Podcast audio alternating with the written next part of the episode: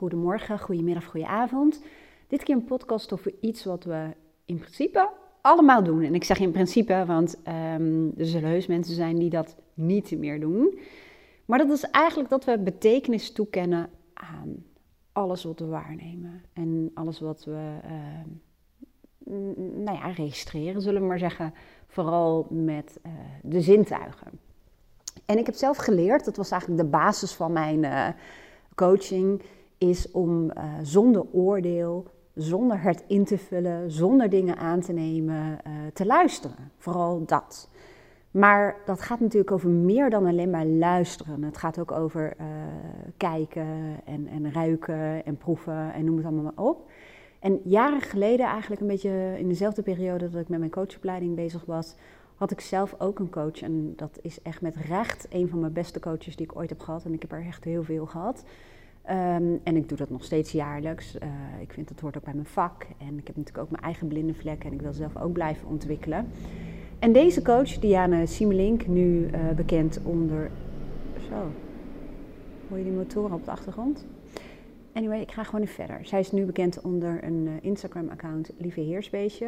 Ik zet wel even een linkje hieronder. En ze maakt echt hele mooie gedichten. En zij speelt gewoon heel mooi met woorden. En tijdens de coaching met haar leerde ze mij eigenlijk ook dat woorden ongelooflijk veel betekenis kunnen hebben. En dat het nuanceren of het veranderen van woorden ook daadwerkelijk verandering in gang kan zetten. Zij schreef op een gegeven moment twee woorden voor mij op, heel groot in blokletters. En ze zei: Dit is wat het is. Denk hier maar aan. En er stonden twee woorden: Het is. Ik ga je zo uitleggen wat zij ermee bedoelde en uh, waarom dat zoveel indruk op me heeft gemaakt dat ik er nu nog dagelijks bij wijze van spreken aan denk. Het is, normaal gesproken uh, zeggen we daar allemaal woorden achteraan. Het is naar, het is fijn, het is goed, het is slecht, het is vervelend, het is, nou ja, noem het allemaal maar op. En ons brein is ook geprogrammeerd, primair in elk geval, om ons te laten overleven. En daarom is het ook een overlevingsskill van ons om aan de dingen die wij registreren, de, de signalen, de, prikkels, zintuigelijke dingen, om daar een betekenis aan toe te kennen. Wij moeten immers weten, is het gevaarlijk of ongevaarlijk, bij wijze van spreken. En we doen dat in allerlei situaties die helemaal niet relevant zijn voor ons. Maar door betekenis toe te kennen aan bepaalde nou ja, uh, signalen, gebeurtenissen, situaties, mensen, gebeurt er bij ons van alles. Het is namelijk zo, als wij iets registreren, dan uh, geven we daar betekenissen aan. Hè. We hebben daar bepaalde gedachten over.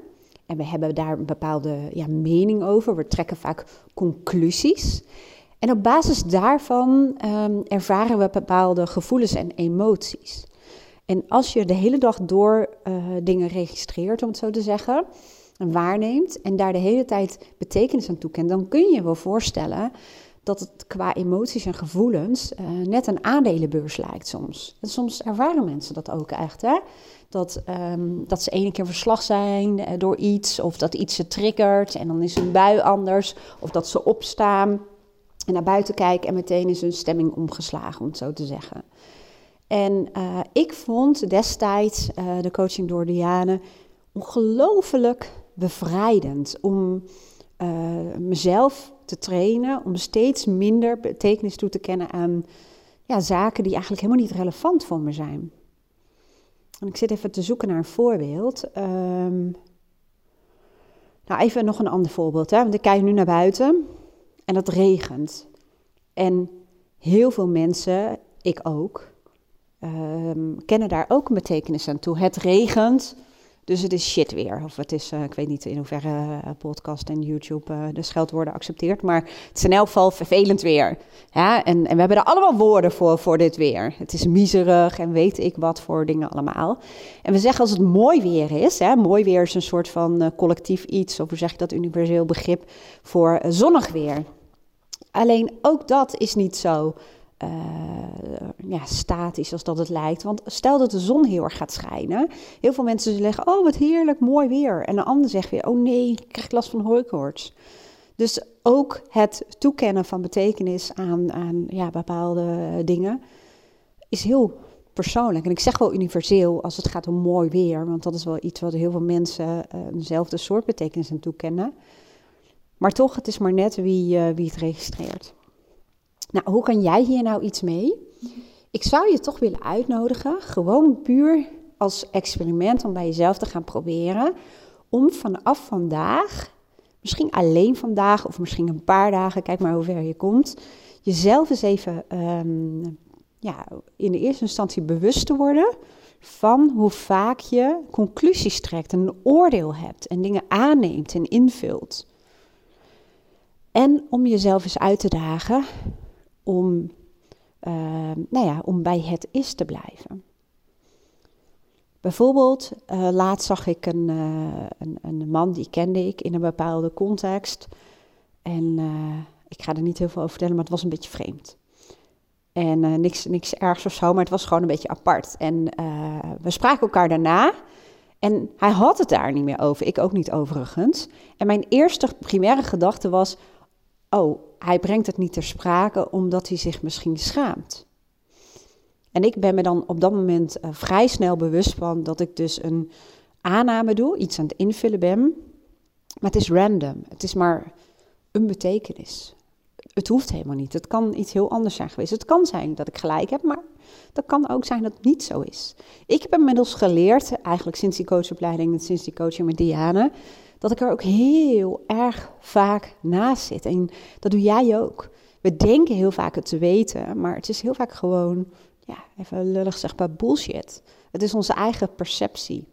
En dat gaat ook over onszelf. Hè. Het is ook vaak dat als iemand op een bepaalde manier kijkt of reageert op iets wat jij zegt of doet, dan vullen we het ook vaak in wat die ander dan bijvoorbeeld over jou denkt. En op basis daarvan gaat er een heel circus in je hoofd van start. Met alle gevolgen van dien. Dat kan positief zijn, dat kan negatief zijn. Dus probeer eens om bij de feiten te blijven. Dus als je iets waarneemt, bijvoorbeeld iemand die trekt een bepaald gezicht of die zegt iets, blijf bij de feiten en uh, word je bewust van wanneer je dingen aan het aannemen bent of aan het invullen voor een ander. Um, en wanneer je een bepaalde oordeel hebt en een bepaalde conclusie. Dus kortom, wat voor betekenis ken je toe aan een feitelijke gebeurtenis. En daarmee, ja, bij mij helpt het om heel vaak het zinnetje te herhalen: het is, het is, het is. Want nogmaals, heel veel zaken zijn helemaal niet relevant voor ons. Ook in het verkeer. Um, jij zit in de auto omdat je waarschijnlijk ergens heen wil. En uh, ik zie bij heel veel mensen dat zich enorm storen aan uh, het gedrag van anderen op de weg. Waarbij ik al heel vaak denk: alsof jij nooit eens een keertje een inschattingsfout maakt. Maar mensen win, winnen zich daar heel erg over op. En um, trekken ook conclusies. Het is een asociaal iemand. Het interesseert hem niet. Uh, wat een idioot. Um, uh, het boeit hem niet. Of uh, hij denkt dat de weg voor zichzelf is. En terwijl we eigenlijk ook zouden moeten weten nogmaals, wij maken ook wel eens een inschattingsfout. Wij hebben onze dag ook wel eens een keertje niet. Of, nou ja, hè, wat er dan ook is.